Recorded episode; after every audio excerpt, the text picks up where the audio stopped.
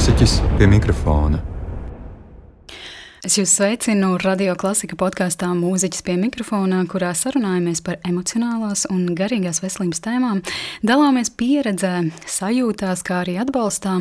Un šobrīd vadītājs pie mikrofona ir Anna Marta Būravē, savukārt man iepratim sēž mūziķis pie mikrofona čeliste Māra Botmane. Sveika! Sveika! Vai tu varētu pastāstīt, kas tev pēdējā gada laikā ir bijis tāds foršs atklājums par sevi vai par vispār dzīvi, ar ko tu vēlētos varbūt padalīties ar citiem? Es domāju, ka viena no galvenajām lietām, ko es esmu pati sev atklājusi, ir tas, ka viss mūsu dzīvē ir izvēle, un arī tas, vai mēs esam laimīgi, ir mūsu izvēle. Un, ja mēs gribam justies labi, mēs jūtamies labi, un viss ir iespējams galvenokārt sākot tikai ar to, ko tu pats dari. Kādā veidā tu nonāci līdz šādai atziņai? Vai tas bija vairāku gadu garumā tāds process? Vai? Jā, nu tādi sevis meklējumi. Droši vien kā lielākajai daļai cilvēku man ir bijuši visu mūžu. Un dažādas lietas, ko es varbūt neesmu varējis izskaidrot, neesmu sapratusi, bet man patīk iedziļināties lietās un, un arī sajūtās. Un, uh, mēģināt rast kaut kādas atbildes un risinājumus. Tas mans ceļš pilnīgi noteikti nav noslēgts, un tas turpinās visas dzīves garumā, kā, kā ļoti daudz kas. Gan mūziķa profesija, kas visu mūžu liek vingrināties, attīstīties. Tieši tāpat arī mūsu kaut kādas attiecības ar cilvēkiem apkārt, un attiecības galvenokārt pašam ar sevi. Jo tas ir tas, kas īstenībā visvairāk ietekmē visas tās manas iepriekš minētās uh, lietas. Un ir taču tik svarīgi būt tajā saskarē ar sevi, jo tas arī ļoti ietekmē to, kā tu esi ar citiem. Tieši tā, jo, jo manuprāt, arī pandēmija izgaismoja ļoti daudz ko. Pirmais vilnis bija tāds godīgi sakot, ļoti labs laiks pašai sev. Jo, kā jau lielākā daļa mūziķu arī es biju ieskrējusies, un, un martā tika norauts stopkrāns, un, un gribot, negribot, bija jāpaliek mājās. Un tajā brīdī es sapratu, ka neskatoties to, ka jūnijā bija paredzēts mums diploma eksāmenis, kas vēl pāris nedēļas pirms paša eksāmena vēl nebija īsti saprotams, vai varēs notikt vai nevarēs un kādā formātā. Bet eh, es sapratu, ka ir vajadzīga pauze no visa. Tāda pauze, kas nav bijusi manā dzīvē kopš es iestājos dārziņu skolā 15 gadu vecumā. Un tas bija ļoti labs laiks man, un tas bija arī tāds uh, loģisks turpinājums tam, ko es jau biju iesākusi dažu, dažus mēnešus eh, pirms uh, pandēmijas sākuma.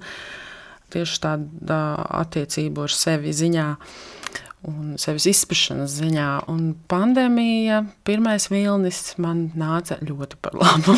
es, es biju mājās. Uh, Es eh, daudz laika pavadīju ārā, un es lasīju daudz grāmatas, eh, sportoju, gatavoju ēst. Un, un, un uz mēnesi izslēdzu čēlu un mūziku no savas dzīves vispār. Es izlikos, ka es neesmu mūziķis, neklausījos nevienu koncertu nelasīju nevienu grāmatu saistībā ar mūziku, kas sastāv lielāko daļu no manas literatūras.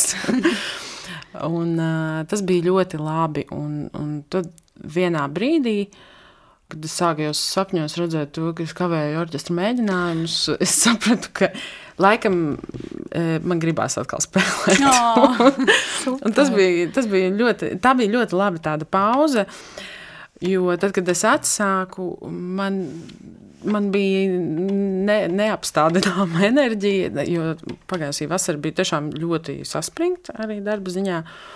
Un, un bija daudz pārcelto koncertu, atcelto koncertu, takošo koncertu un jauno koncertu, kas bija uh, vasarā. Un, bet es to tiešām izbaudīju, atkal to pārstrādāšanos. un, uh, jā, nu, lai, lai arī pat priekš sevis saprastu, ka man tiešām patīk to darīt, un, un man tas ir vajadzīgs. Tas, ko tu jau pieminēji, ceļš uz sevi attiecības ar sevi. Tā būs arī īstenībā mūsu lielā tēma šodien.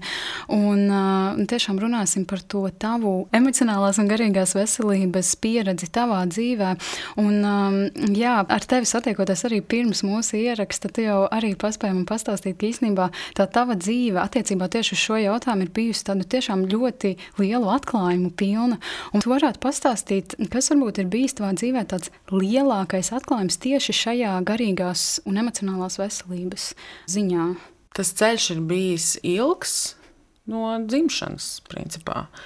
Un tas, kam es visvairāk ticu, ka nekas nenotiek tāpat vien, man ļoti ir palīdzējusi tieši tā doma, ka tam ir kaut kāds iemesls. Tas nenozīmē, ka tas ir kaut kāds sots, ja notiek sliktas lietas, bet tas viss mūs māca un ļoti daudz ko dod. Protams, bieži varbūt gribētos eh, žēloties un teikt, ka viss ir slikti.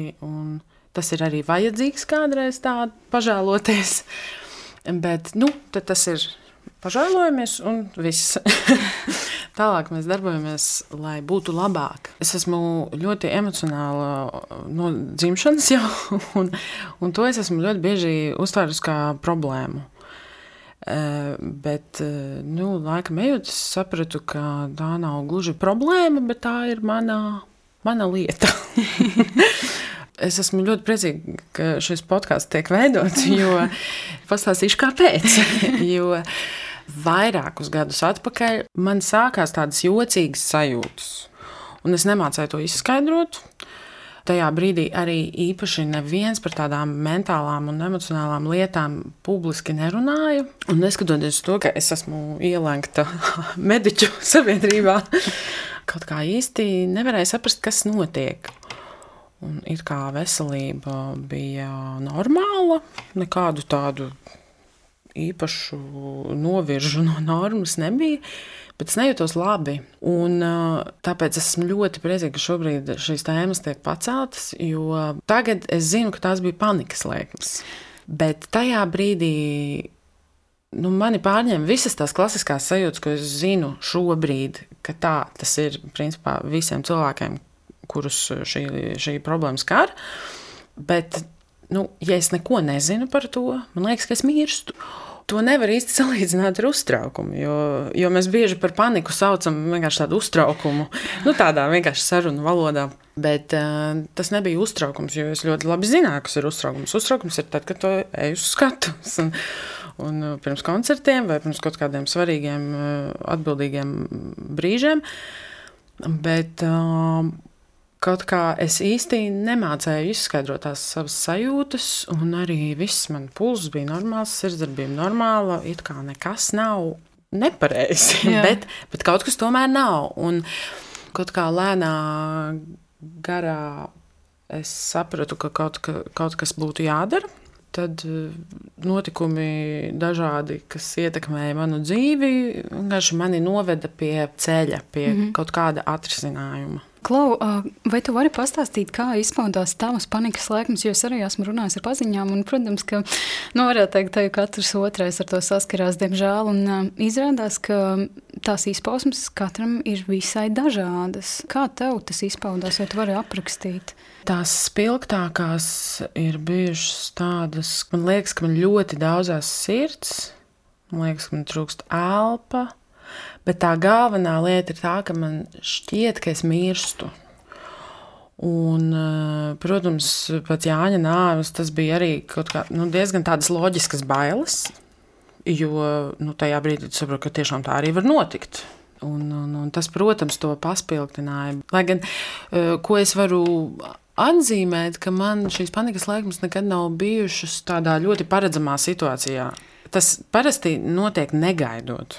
Tas nav tā, ka es sēžu, es par kaut ko uztraucos, un tad man sākas panikas lēkme. Mm -hmm. Tas ir uztraukums. Un varbūt tāds pārmērīgs uztraukums vai kā. Bet tās panikas lēkmes tieši man ir piemeklējušas. Es viena mājās, it kā pilnīgā mierā, nekas slikts nav noticis, un tad pēkšņi tas notiek. Eksperts pie mikrofona.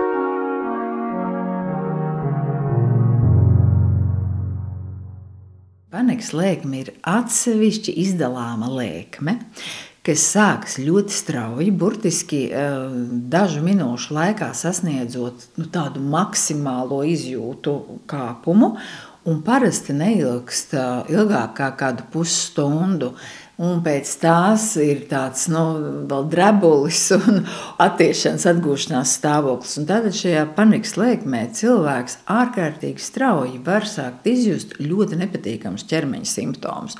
Sākot ar to, ka tipiskākie ir reibsta galva, melns gar acīm, sirds klauves, ir sajūta, ka es ģīpšu, ka es vemšu, ausīs zvana, limst kājas, vēderā žņaudzās vai tā kā uz vēmienu vāk. Tur var būt ļoti, ļoti, ļoti daudz dažādu simptomu, ieskaitot to, ka varbūt cilvēkam ir sajūta, ka viņš nevar paiet, ka viņš ir paralizēts. Ja?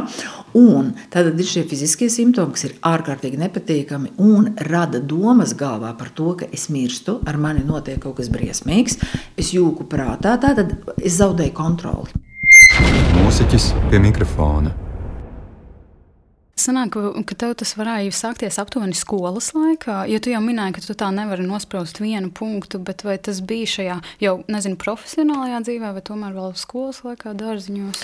Nu, droši vien, kā jau visiem emocionāliem cilvēkiem, arī lielai daļai mākslinieku, kur ir tās sakāpinātās emocijas tev visu laiku, kas tev ir arī bieži vien jākultivē, lai kā, izlaistu caur sevi uh, konkrētu skaņdarbu vai iztēloties eh, kaut kādu notikumu, lai tu varētu it kā iejusties tēlā. Tas viss droši vien nav īsti veselīgi. Un es pieņemu, ka tas jau no bērnības jau kaut kā man ir nācis, jo es jau no dabas tāda esmu, un tad mani vēl tajā visā tā uzkurina. Jā, uzkurina. Tur es nevainoju nevienu, bet es priecājos, ka šobrīd eh, par to tiek runāts. Jo, manuprāt, arvien vairāk un vairāk cilvēki vienkārši sevī to saskata un var kaut ko ar to izdarīt. Jo tas ir pirmais solis, lai kaut ko mainītu. Ir saprast, ka kaut kas nav tā, kā tu gribi. Un uh, tikai tad tu vari mainīt to. Tieši tāpat kā ir ar atkarībām, ir jāatzīst, ka tu esi alkoholiķis, lai varētu no tā atbrīvoties. Ja tu noliedz, tad uh, neviens tavā vietā neko nevarēs izdarīt tev visas šīs sajūtas un arī tās panikas laikmes visvairāk sāsinājās tad, kad mūžībā aizgāja tavs līga vainas. Un vispār es esmu domājusi arī noteikti tavā sakarā, nākot uz mūsu sarunu, ka principā jau, nu, kā nāve, kā mums visiem vienmēr ir tāda blakus esoša, vai ne? Vai nu mēs no rīta pieceļoties ieejam Facebookā, mēs kaut ko izlasām, vai kaut kādos ziņu rakstos, vai es nezinu, ka tev pabraucam garām kapsētā, vai ne? Bet tad, kad tas notiek blakus tev vai ar tevi, Tas ir kaut kas tomēr pavisam cits. Vai tu varētu padalīties tajā savā pieredzē, ko cilvēkam nozīmē šāds zaudējums? Manuprāt, viss notiek tā, kā tam ir jānotiek. Un iespējams, ka man tas bija vajadzīgs, lai apzinātos ļoti daudz ko gan par sevi, gan arī par līdzcilvēkiem. Ka visi cilvēki, kas mums ir apkārt, viss, ko mums kāds labu dara, labu pasaka, nav pats par sevi saprotams. Vai arī vienkārši neviens cilvēks nav pats par sevi saprotams. Un, un iespējams, mēs bieži aizmirstam to novērtēt. Un, uh, to Jāņa aiziešanu es mēģinu uztvert ļoti filozofiski, un vēlreiz uzsvērt to, ka es to neuztveru kā sodu, jo tas manā dzīvē paliks visu mūžu šo notikumu no manas dzīves izdzēst nevar un arī nevajag. Tas, kas man ir jāiemācās, ir jāiemācās ar to dzīvot kopā un uh, nemēģināt sev likt, tikt tam pāri. Šādas frāzes mēs ļoti bieži esam dzirdējuši, un, un tas ir muļķīgākais, manuprāt, ko var darīt. Jo tikt pāri kaut kam nozīmē aizmirst un atstāt kaut kur. Bet uh, tā ir ļoti svarīga manas dzīves daļa. Gan eh, laiks, ko mēs pavadījām kopā, gan tieši šis notikums. Un varbūt no malas arī es nekad nebiju izrādījusi tādu, tādu sabrukšanu. Lai gan es domāju, ka lielākā daļa cilvēku tieši no manis to gaidīja. Jo es esmu pēc dabas jau emocionāli. Jā, jā. Šis, ši, šim vajadzēja būt tam brīdim, kas mani sagrauj. Tā nenotika. Paldies Dievam, un paldies arī tam, es, kā es reaģēju uz to. Jā. jā, varbūt mani var saukt par stipru cilvēku. Es pieņemu, ka es tāda arī esmu. Bet stipriem cilvēkiem arī ir grūti. Un stipri cilvēki izjūt visas tās pašas emocijas, ko tie, kas sevi sauc par vājākiem. Un uh, stipriem cilvēkiem ļoti bieži arī daudz ko vairāk nepiedod. Mēs taču visi esam dzirdējuši frāzi, nu jā, nu viņš jau tāds, vai viņa tāda. Nu tā, nu viņam tā ir. Bet, eh, ja tu esi stiprāks pēc savas dabas un rakstura, varbūt, tad eh, tās tavas vājības tev nepiedod mm -hmm. tik mhm. bieži. Un, um, tas varbūt ir kaut kas tāds, ko es gribētu, lai cilvēki par to aizdomājas. Tas, ka, ka cilvēks ir stiprs, nenozīmē, ka viņam ir vieglāk. Viņam vienkārši nepatīk vaimanāt. Viņam nepatīk būt upurim. Viņam gribas uh, savu dzīvi vadīt. Un man ļoti palīdzēja tieši tas, ka es tā caur paziņu paziņām satiku savu, nu jau varu teikt, draugu, sievieti, kurai bija līdzīgs notikums noticis. Arī pēkšņi zaudēja savu vīru. Tas notika mēnesi apmēram pēc, pēc Jāņa aiziešanas. Un es domāju, ka tas mums abām bija ļoti svētīgi, ka mēs vienotru satikām. Jo te atkal ir runa par to, ka, ka ir svarīgi atrast un saprast, ka ir vēl kāds tāds, ka tu neesi vienīgais ar šādām sajūtām uz pasaules. Un ir īstenībā miljoniem cilvēku, ar ko notiek ļoti līdzīgi notikumi kā ar mani. Un es neesmu ne ar ko svarīgāk par tiem cilvēkiem. Bet tajā pat laikā man pašai ir vajadzīgs saprast, ka, ka es neesmu viena, Un mums ar šo, šo sievieti bija, mēs gājām pilnīgi visam identiski cauri. Wow. Mēs vēl smējāmies, ka nu, es tagad jūtos tā, tā, tad tu pēc mēneša tā jutīsies arī. Un, uh, un tas bija ļoti labi. Mēs vienu otru varējām atbalstīt, jo mēs bijām viena otrai vienīgie, kas saprotu. Kas Jā, jo es, es tev kaut kad arī minēju to, ka es tev varu just līdzi, Es tiešām tevi varu atbalstīt, bet tā kā es nekam tādam neesmu gājis cauri, es nekad nesapratīšu līdz galam, kā mm -hmm. tu jūties. Un tas ir tikai normāli. Un, un tev nav jājūtās arī slikti, ka tu nesaproti. Un paldies Dievam, ka tu nesaproti. un es tiešām vēlos, lai neviens cilvēks nesaprot. Bet, diemžēl, kā ir, tā ir. Un ir ļoti daudz cilvēki. Un, un ļoti svarīgi ir tiešām atrast to. Es neesmu īsti tāds atbalsta grupu cilvēks. Mani tas īpaši nesaista. Man, man īpaši patīk varbūt tā ļoti plaši runāt ar cilvēkiem. Neskatoties, kas piedalos podkāstā. Nu, mēs te divas pagaidām. jā, mēs te divas. Bet uh, man tieši interesēja tas, jā, ka mēs esam divas. Mēs varam vienu otrai uzrakstīt, jebkurā diennakts laikā. Mēs esam draugi. Mums nav kaut kādas ierobežojumi un kaut kas, ko mēs drīkstam teikt vai nedrīkstam, mēs varam brīvi runāt par visu, kā ir. Noteikti, jā, šī draudzība tev palīdzēja, bet kas tev vēl palīdzēja nonākt līdz šai atziņai, ka jā, tā tas notiek, man nav tas jāapspiež, tā būs vienmēr daļa no manis? E, jā, nu, es domāju, ka es, es esmu arī tāds cīnītāja tips, varbūt cilvēks. Un, um, Cīnītājs tas varbūt izklausās tā kaut kā ar šķēpiem. vairogiem, bet uh, man nepatīk būt nelaimīgai. Es nemeklēju ciešanas. Tās cilvēkus piemeklē tāpat. Tas nekur nav jāmeklē. Un uh, viens, protams, bija tas, ka es satiku šo savu draugu. Bet otrs, manuprāt, atkal stāsts par to, ka nekas nenotiek tāpat vien.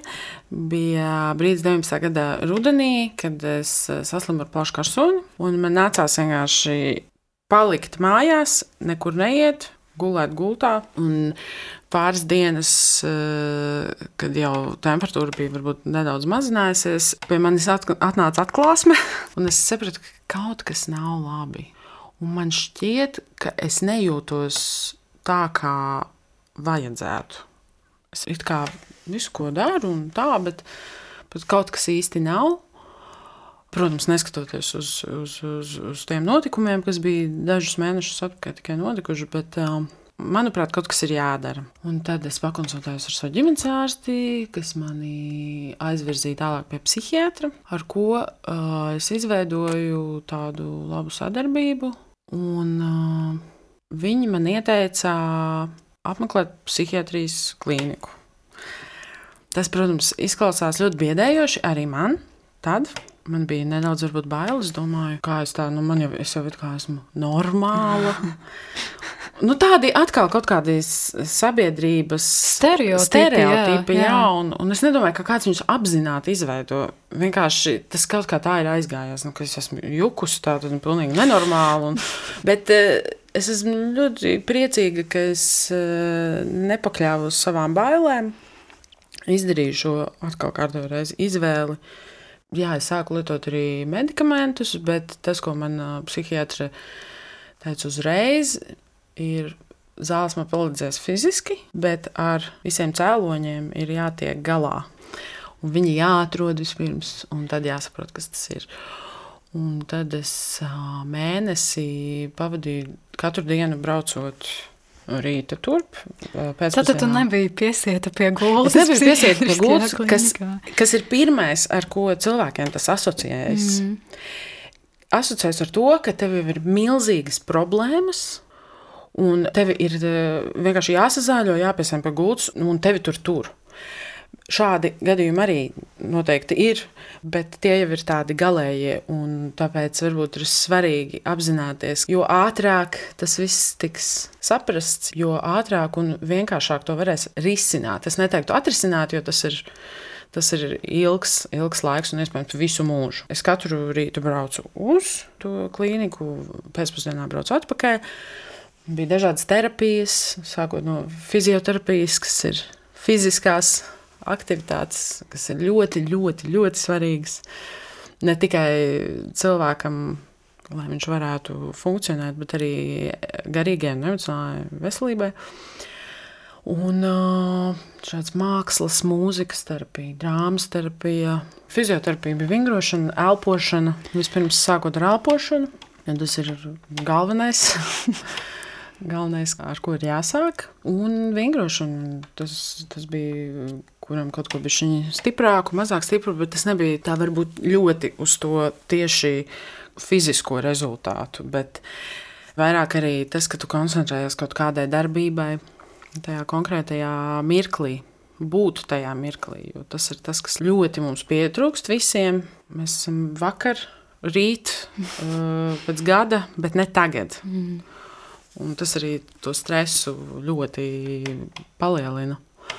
Jā, nu, mākslas, mūzikas, tas viss ir, um, tās visas ir psihoterapijas. Mērķis ir viens, vienkārši paņēmieni ir dažādi. Un man liekas, ka nu, mākslas terapijā es taču nemāku zīmēt. Bet nē, kaut kā visi tur pēkšņi kļūst par māksliniekiem. un, uh, man kā mūziķim likās, varbūt mūzikas terapija būs kaut kas tāds galīgi nevajadzīgs. Man. Bet tam nav, godīgi sakot, nekāda saistība ar mūziku un mākslu. Tie ir vienkārši tādi paņēmieni, un, un jebkurš šajos terapijas veidos var piedalīties. Tas nav tā, ka tev ir jābūt kaut kādam talantam, lai to mm. darītu. Tie ir vienkārši kaut kādi paņēmieni, kurus, kurus var uh, izmantot, lai tu vairāk ielīstu sevi un kaut kā atrastu pavadienu. Es varu teikt, ka tas bija viens no maniem labākajiem lēmumiem dzīvē, uz šo, šo klīniku braukt.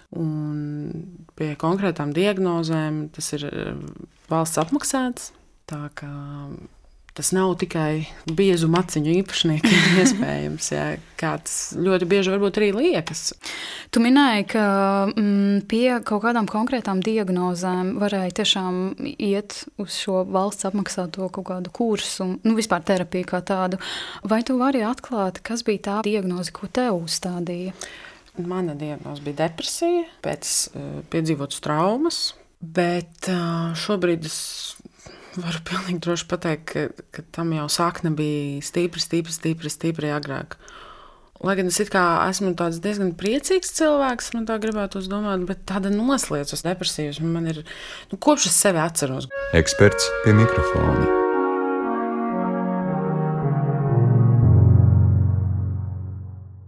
Depresija šobrīd pēc Pasaules veselības organizācijas datiem un aplēsēm ir viena no darba nespēju visvairāk radošajām veselības problēmām. Un var teikt, ka nu, depresija ir tāda nu, nopietna pandēmija savā ziņā jo tās skar ārkārtīgi daudz cilvēku, ir ar ļoti lieliem ilgtermiņa zaudējumiem.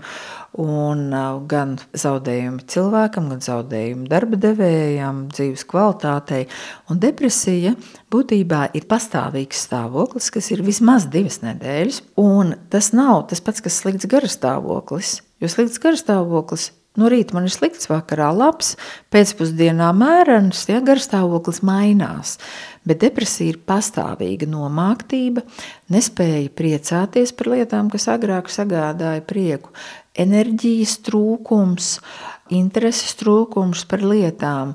Protams, tur vēl ir daudz citu simptomi, kā piemēram kognitīvie simptomi, tātad domāšanas simptomi, grūtības koncentrēties, grūtības pieņemt lēmumus, teikt, grūtības strādāt ar galvu. Ja? Kognitīvie simptomi arī domas, tādas domas, kā es neesmu nekā vērts, es esmu vainīgs, es esmu lieks, tātad sevis pašvainošana diezgan bieži ir, ja? nu, tāda ļoti, ļoti, ļoti neganta kritiska attieksme pret sevi, dažreiz pašnāvības domas, jā, ka labāk būtu, ja manis nebūtu.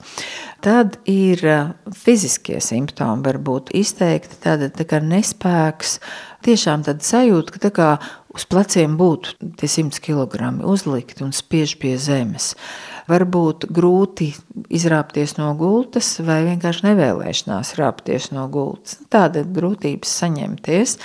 Tad var būt tieši otrādi, varbūt tāda tā uzvilktība, nemieris un, un dažreiz pat tāda agresivitāte. Ļoti viegli cilvēku var būt nokaitināt. Ja? Tad var būt tādas izjūtas, kā visu laiku gribas ēst, vai ēdienas vispār ir kā salmi garšu nejūtu. Ja? Vai miegs, rīktīgi miegainība, ka nāk miegs un nevaru tam miegam pretoties. Kaut gan esmu gulējis astoņas stundas, bet nevaru piecelties. Vai arī otrādi nespēja gulēt, pat ja ir iespējams gulēt. Un bieži vien tādā sociālajā miedarbībā cilvēks norobežojas, cilvēks izvairās no kontaktiem, cilvēks pēc iespējas atliek lietas, darbus, un nu, tas iet kā pa spirāli uz leju. Nu, es šeit uzzīmēju tādu, tā kā, tādu trakāku buķeti, ja? bet bieži vien tie ir tikai daži simptomi. Ja, piemēram, šī prieka zudums, nespēja priecāties, intereses zudums, jā, seksualitāte, nav vairs intereses par seksu. Ja. Dažreiz ir tikai daži simptomi, bet viņi rada ļoti draņķīgu dzīves kvalitāti. Un parasti tas kritērijs ir tas, ja tas ir divas nedēļas. Un tas nav man raksturīgi. Un, ja tas nav tā, ka vakar man tā bija, bet šodien viss ir kārtībā, un, un tīsla diena vakar bija, ja? bet tātad, ja tas ir, nu, var teikt, šīs divas nedēļas, tad tā ir depresija, jā. Un tad noteikti ir svarīgi doties pie vismaz sākt ar ģimenes ārsti vai iet pie um, psihoterapeita vai pie psihologa, kas strādā ar šiem traucējumiem, jo Depresija ir pakāpes. Tā var būt viegli izteikta, mērena izteikta un smaga. Un, uh, bieži vien cilvēki nemeklē palīdzību, jo viņiem šķiet, es pats tikšu galā.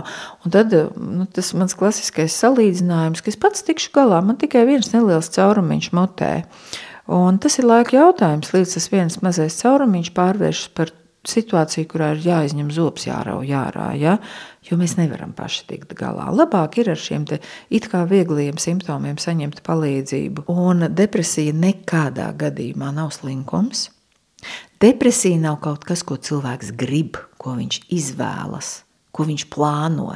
Tagad, šajā skaistajā vasaras laikā, es ieplānošu sev trīs mēnešus, pilnīgi darba nespēju, ar depresiju, jutīšos draņķīgi, domāšu par to, ka dzīve ir nevērtīga.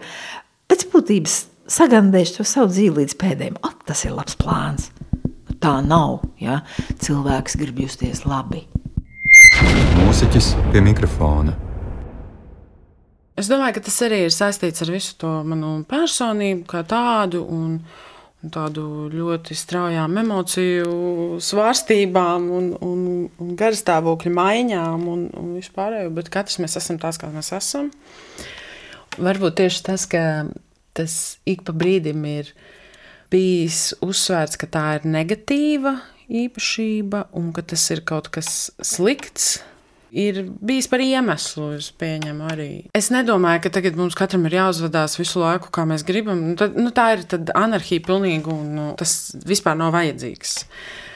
Bet, eh, manuprāt, šobrīd jau arī to visu aktualizē. Līdz ar to tas ir vienkārši ceļš, tam ir jādod laiks, lai, lai tas viss attīstītos tā. Bet varbūt, kad es augu, tas vairāk ir bijis kā tāda negatīva lieta. Bet, um, nu, katram cilvēkam ir sava daba, un mums ir jāiemācās, protams, dzīvot sabiedrībā. Jo man neinteresē, kāda tev ir daba.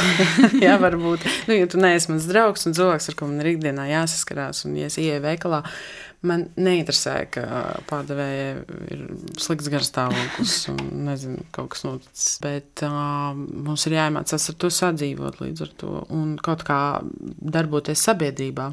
Tas, kas padara visu sliktāk, ir mēģināšana visu tā novienādot un visus uztaisīt pēc viena šablona. Un kādam ir jābūt cilvēkam, kādām ir jābūt viņa raksturīpašībām, emocionālam diapazonam. Un tā kļūda ir tajā, ka mums ir tomēr vairāk jāsaprot, ka mēs esam ļoti, ļoti, ļoti dažādi. Nekur jau nepazudīs tas viss. Tas cilvēks, ja viņš tāds ir, viņš tāds būs.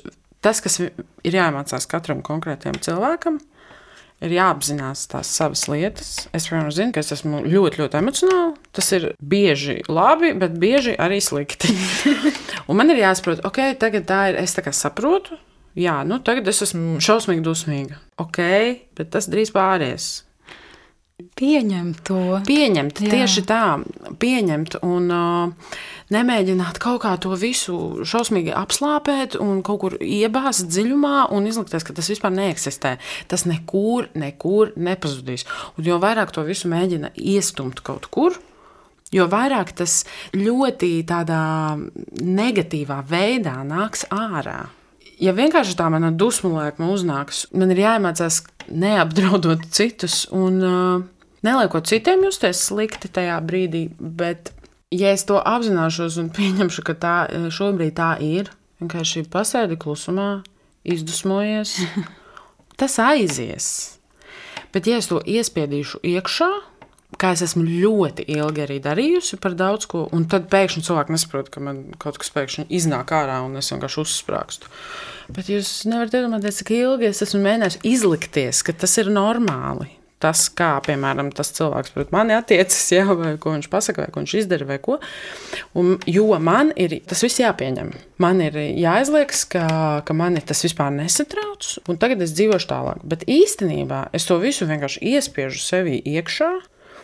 Un tas ir tādu iepuvušu gaisotni, nāk ārā no manis pēc tam. Es vēlreiz gribu uzsvērt, ka es ne, neuzskatu, ka tagad katram būtu katrā savā dusmu momentā tas viss jālaiž bet tieši priekš sevis vienkārši tajā brīdī saprast, es tagad esmu dusmīgs. Bet Un tas ir ok. Tas ir ok, un viss ir kārtībā. Un nevajag tagad mēģināt padarīt sevi par sliktu tikai tāpēc, ka tu tā jūties. Nu, tu tā jūties. Viss. Un dusmas ir pilnīgi viena no visdabiskākajām cilvēka emocijām. Tieši tas ir tā. tas, kas tevi padara par cilvēku. Principā. Tieši tā. Un tā bija arī viena no lietām, ko es šajā klīnikā sapratu. Ka, jā, ir tik daudz emociju, mēs vispār viņas visas īsti vārdos nevaram nosaukt, jo mēs viņas nemēģinām apzināties. Jā. Mums ir tikai priecīgs, bēdīgs, laimīgs, nelaimīgs. jā, nu tā. Uh, bet tas nav viss. Un, jo mēs skaidrāk varam to visu noformulēt priekš sevis, jo tas viss vienkārši aiziet tajā brīdī.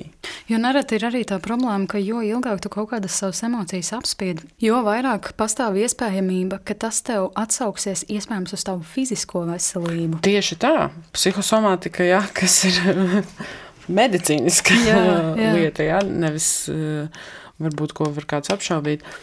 Bet nu, ar to, manuprāt, ir saskāries jebkurš cilvēks. Mm. Un, un, un arī šajā Covid laikā, kad jau, jau, jau vienkārši jau pirmās iesnas jau tev uzreiz jau liekas, ka viss ir noteikti Covid. Un, nu, tas, mēs, mēs sevi tādā lielā stresā iedzinām un, un uh, sākam ar, ar galvu un pabeidzam ar ķermeni. Un ir tik daudz, varbūt kaut kādas arī tādas fiziskās veselības problēmas, kam īstenībā nevar atrast eh, izskaidrojumu.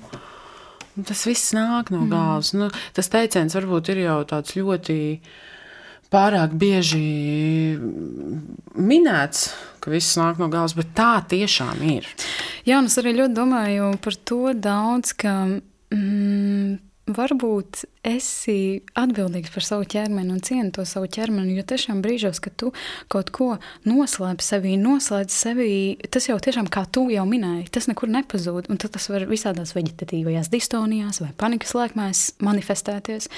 Bet tajā brīdī, kad tu gribi paraudāt, un ja tu esi drošā vidē, nu, piemēram, mājās, paraudi, uzdāvini to sev, sev savai garīgajai pasaulē, un uzdāvini to arī savam ķermenim. Jo beig beigās bieži vien ir tā, ka tas tavs ķermenis, nabaks, ir tas, kurš to visu tur. Tavas emocijas ir leģitīvas, un tas Tieši viss tā. ir pilnīgi ok.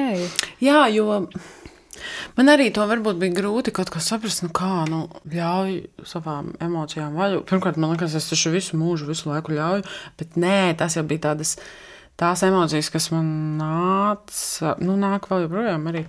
Bieži tās jau nav tās manas tās pirmās emocijas. Tās jau ir tās, tās iebojātās, jau, jau, kā es teicu, iepuvušās. Mm.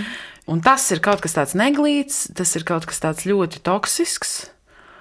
Un tas ir tas, kas traucē. Bet tās tavas tīrās pirmās emocijas, jo tu viņas negāzi visu laiku cilvēkiem virsū, bet tu viņas piedzīvo, tu viņas saproti. Tam ir jāļaujas, un, arī skumjām. Protams, tajā ikdienā nevienmēr var arī darba dienas vidū, nu, tev ir tagad skumjas, un tu tagad, tagad skumsi. Bet tev ir jāiet un kaut kas jādara, un ļoti daudz cilvēkiem kopā. Nu, jā, bet tad atcerieties, ka tev tās emocijas tādas ir, un varbūt viņas tev atnāks atkal vakarā. Bet, bet ja, ja jau tu pat piedomāsi pie tā, ka nu, jā, viņa te kaut kur ir, tu ļausi viņai būt pat tad, kaut uz vienu minūti. Jā. Vienkārši ieiet toaletē. Nē, nu, pilnīgi novērt. Nu, protams, tā ikdiena jau mums tāda ir. Nu, mēs skrienam no vienas vietas uz otru, un, un tam it kā nav laika. Bet tas viss ir prioritātes, kā mēs, ko mēs izvēlamies. Es atceros uh, vienu situāciju. Mums bija ar trio Tempus Batikus pirmais koncerts mūsu pastāvēšanas vēsturē. Tas notika Dobels kultūras namā.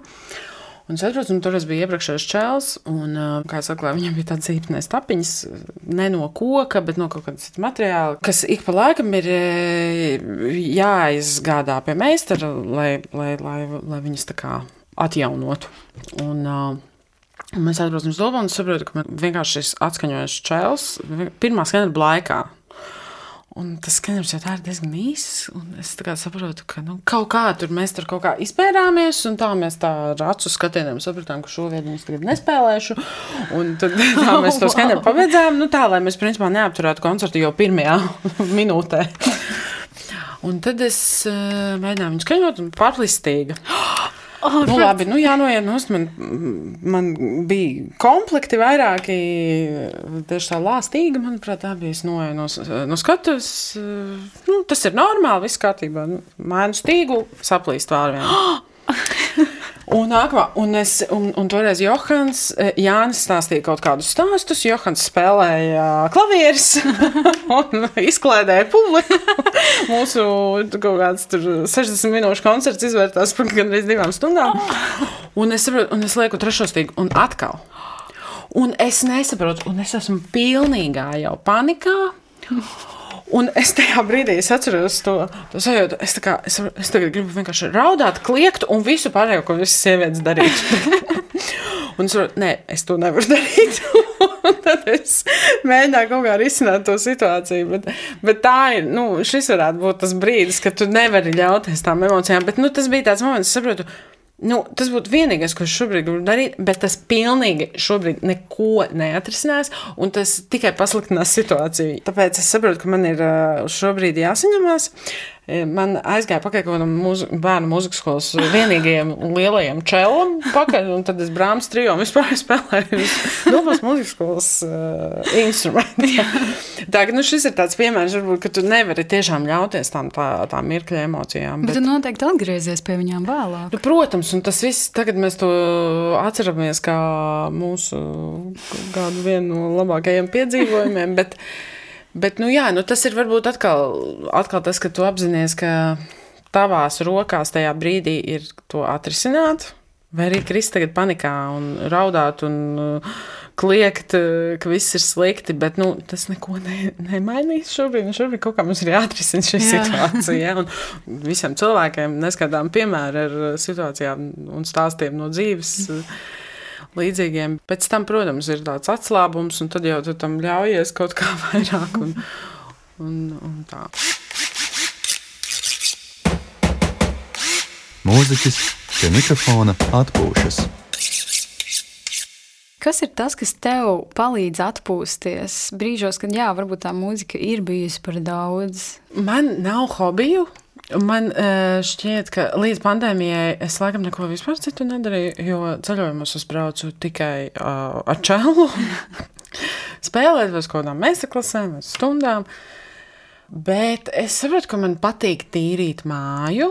Ja man ir brīvs, man patīk lasīt. Man nepatīk lasīt, uh, ja es esmu nogurusi. Es nevaru sakoncentrēties tam, ko es lasu. Uh, Bet um, ko es vēl esmu sapratusi, ka ir ļoti veselīgi, ka manā draugu vidū nav tikai mūziķi. Jo, principā, nu arī līdz tai pandēmijai, tiešām es ikdienā biju tikai ar mūziķiem. No rīta līdz vakaram. Un, un tas, ir, tas arī ir nedaudz neveselīgi. jo gribot, negribot, visas tās sarunas atkal aiziet līdz darbam, kas mm. mūsu gadījumā ir mūzika, un mēs to nevaram atslēgt. Tas ir ļoti interesanti, jo tu saproti, ka man nav vērts tagad sūdzēties, ka es nevaru trāpīt uz fadiem, jo tas cilvēks to nesaprot. Un tad arī es par to nedomāju tajā brīdī. Izrādās, var atrast ļoti daudz kopīgu tēmu arī ar cilvēkiem, kas nav profesionāli mūziķi. Tā ka iespējams, ka tas arī ir diezgan veselīgi. Bet jā, man nav, man nav tādu īsti izteiktu hobiju. Bet, nu, mājas tīrīšana, jā, es jau tā esmu pēc dabas tāda ļoti plānotāja. Un, un um, man jau kūps smadzenes dažreiz, kad es jau eju mājā iekšā, un man jau ir viss jau galvā priekšā ir sarakstīns, kādā secībā, ko es visu darīšu, jo man pusstundas laikā ir jāizdara miljoniem lietu. Un, e, tāpēc man patīk, e, piemēram, tīrīt māju, ja man ir brīvs. Tu arī smadzenes tādā veidā apgūti. Jā, jo tas ir beidzot kaut kas, ko es daru, kam ir rezultāts. Jo čēlu spēlē jau 23, manuprāt, gadus, un, un nav rezultātu.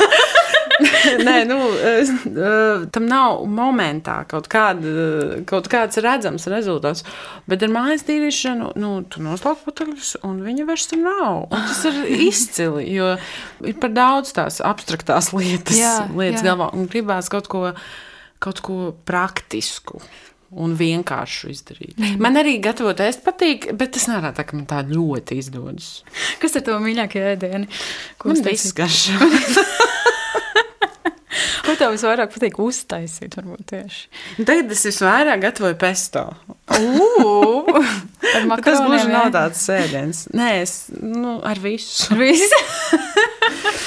Bet eh, nu, es neesmu tā kulināri tā ļoti attīstīta. Mm -hmm. Es ir tie kaut kādi mani ēdieni, kas, manuprāt, garšo tikai man.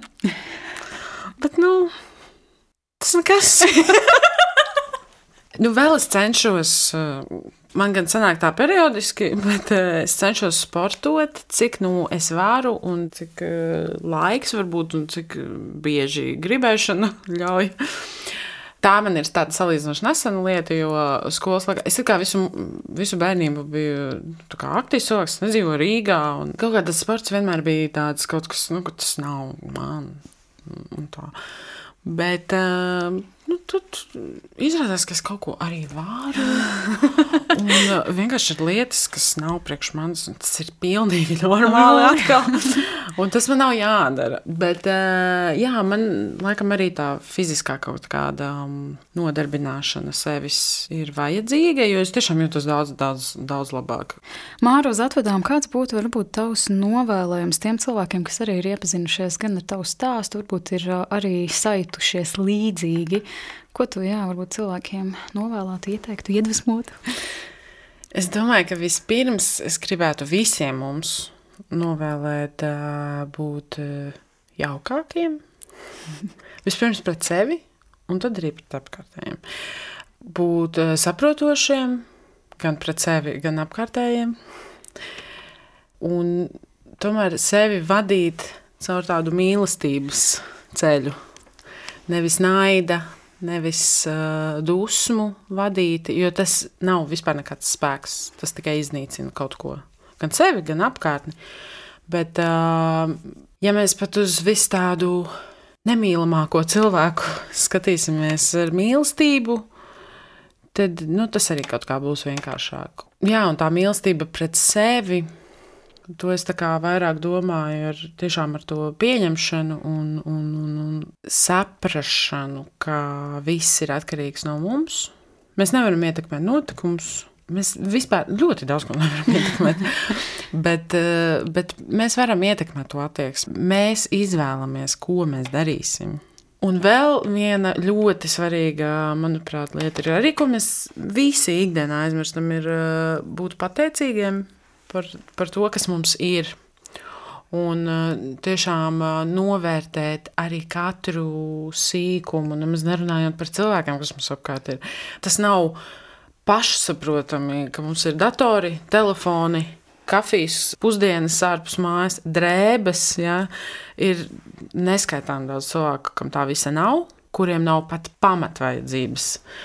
Un mums nevajadzētu justies varbūt vainīgiem, ka mums tas viss ir un slikti, ka citiem nav un mums ir. Bet atcerēties, ka tas nav pašsaprotami un, un būt tiešām pateicīgiem, ka mums ir īstenībā tik daudz. Mēs to bieži vien arī aizmirstam, jo kamēr mēs kaut ko nezaudējam, tikmēr tas tiešām ir kā pilnīga norma. Tieši tā. Mm. Tieši tā. Mm. Māra, liels, liels tev paldies par šo brīnišķīgo sarunu. Paldies! Es ceru, ka kādam varbūt tas noder, varbūt kaut kas. un, un paldies, ka veido šo, šo podkāstu. Jā, un mēs ar pārējiem klausītājiem tad jau tiksimies jau pēc nedēļas nākamajā epizodē. Visu labu un uz drīzu sadzirdēšanos! Mūziķis pie mikrofona.